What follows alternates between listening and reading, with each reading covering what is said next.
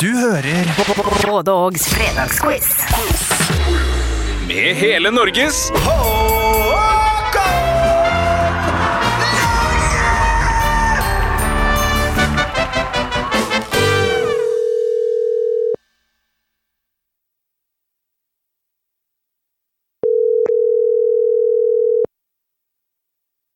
Your call has been forwarded to an automatic voice message system. At the tone, please record your message. When you have finished recording, you may hang up or press 1 for more options. I assume this means I reached the phone of Mr. Lanes, the nominal quizmaster in Ponce himself. My name is Johnny Skulls. Yes, Skulls, that's right. And let me tell you, mate, you might not know me, but I sure as hell know you.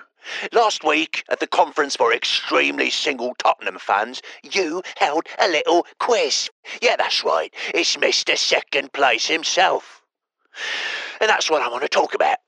There's no way that knobhead Keith earned that first place. I'm going to tell you again, mate. The 134th biggest country by population is Puerto Rico. All right? Everybody knows that, and I don't care what them muppets over at Wikipedia says. It's a country, not a territory. A real country with a motto in Latin.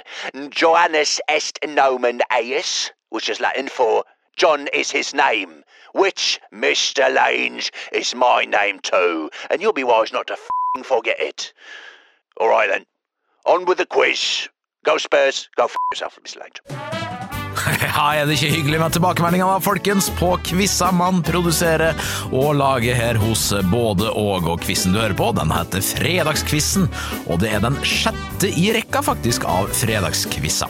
Som vanlig skal jeg stille deg ti deilige spørsmål om alt mulig mellom himmel og jord. Alle spørsmål stilles og besvares på norsk, med mindre annet er presisert av meg. Vi setter i gang med spørsmål én med, og jeg skal begynne med å sitere en vis person som har vært mye i media den siste måneden. Jeg tenker at dette er typisk norsk og et hodeløst forslag med tanke på alle gründerne her i landet som driver med klær, utstyr og leker til barn. Jeg tror influensere er blant de i samfunnet som tenker mest over hva vi faktisk deler offentlig av barna våre, ja, disse kloke ordene er sagt faktisk av Julianne Nygård, influenseren, i januar etter Venstres forslag om å forby bruk av barn for kommersielle formål. Ja, det ble mye styr og spetakkel av det hårreisende forslaget som partiet Venstre kom med. Yrkesforbud, ropte enkelte såkalte mamma-influensere. Men spørsmålet én er, under hvilket navn er Julianne Nygård best kjent? Under hvilket navn er Julianne Nygård best kjent? Spørsmål 1. Julianne Nygaard. Spørsmål to skal handle om geografi, og det skal handle om de enorme ødeleggelsene etter jordskjelvet som rammet Tyrkia og Syria natt til mandag den veka her. Jordskjelvet målte 7,8 på Richters skala og skal være det kraftigste i landet på over 100 år, eh, i det jordskjelvutsatte landet Tyrkia. Nord-Syria ble også rammet av jordskjelvet, men det ble ikke hovedstaden, som ligger lenger sør i landet, og spørsmål to er selvfølgelig da hva er hovedstaden i Syria? Ja, hva er hovedstaden i Syria? Spørsmål to Syrias hovedstad I går var det torsdag, det var 9. februar, og det var bursdagen til den folkekjære komikeren Harald Eia, som fylte 56 år. I den anledning, Harald, jeg vet at du hører på, så skal du få en oppgave dedikert til det. Og den er verdt to poeng. Ranger disse TV-programmene med Harald Eia etter når de hadde premiere på TV fra først til sist.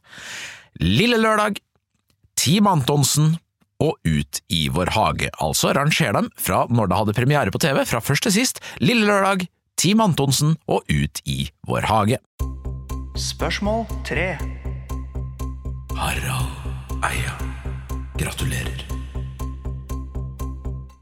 Ah, spørsmål fire er i kategorien åpen klasse, og i åpen klasse i dag så er spørsmålet Hva er Discovery Aroma, Gravenstein, Akerø og Rød Torstein eksempel på, ja. Discovery, Aroma, Gravenstein, Akerø og Rød Torstein, hva er det eksempel på? Det er spørsmål fire. Spørsmål fire. Akerø, Spørsmål fem, det skal handle om det norske språk, for det heser jo nemlig sånn at i det norske språk, eh, ved Det kongelige norske språkråd, så finnes det noe som heter for avløsord, og avløsord det er da altså sånn at eh, vi har jo tatt inn en del engelske ord som vi har oversatt til norsk i håp om at eh, vi skal ta i bruk det da, for å ikke vanne ut det norske språket fullstendig. Vi vet jo alle at taxi for eksempel, det er drosje, og det er jo drosje vi skal bruke selvfølgelig når vi skal bestille oss en liten tur fra A til B for 750 kroner. Så spørsmål fem er, hva er det engelske mer kjente ordet for skriftprosjektør? Engelsk mer kjent ord for skriftprosjektør, det er spørsmål fem. Spørsmål fem. Skriftprosjektør Ikke en god fredagskviss uten litt politikk, for sjøl ei uke etter at jeg stilte spørsmålet om Emilie Enger Mehls mobilbruk, så storma det fortsatt på Løvebakken. Onsdagen av uka her så tok sjøl Per-Willy Amundsen bladet fra munnen da han omtalte appen Emilie Enger Mehl hadde brukt på tjenestetelefonen sin, nemlig TitKok. Og sånn blir det selvfølgelig leven av, du kan ikke ha TitKok på mobilen din, Emilie Enger Mehl, da blir det stilt store spørsmål rundt din eh, kompetanse som justis justisminister. Men dagens politikkspørsmål handla ikke om det, Emilie Enger Mehl, men det handla om noen som har vært statsminister, og spørsmål seks er Hvem har vært Norges lengstsittende statsminister etter andre verdenskrig? Altså har eh, hatt embetet statsminister lengst totalt, ikke nødvendigvis sammenhengende, men altså embetet statsminister lengst totalt sett etter andre verdenskrig. Det er spørsmål seks. Spørsmål seks.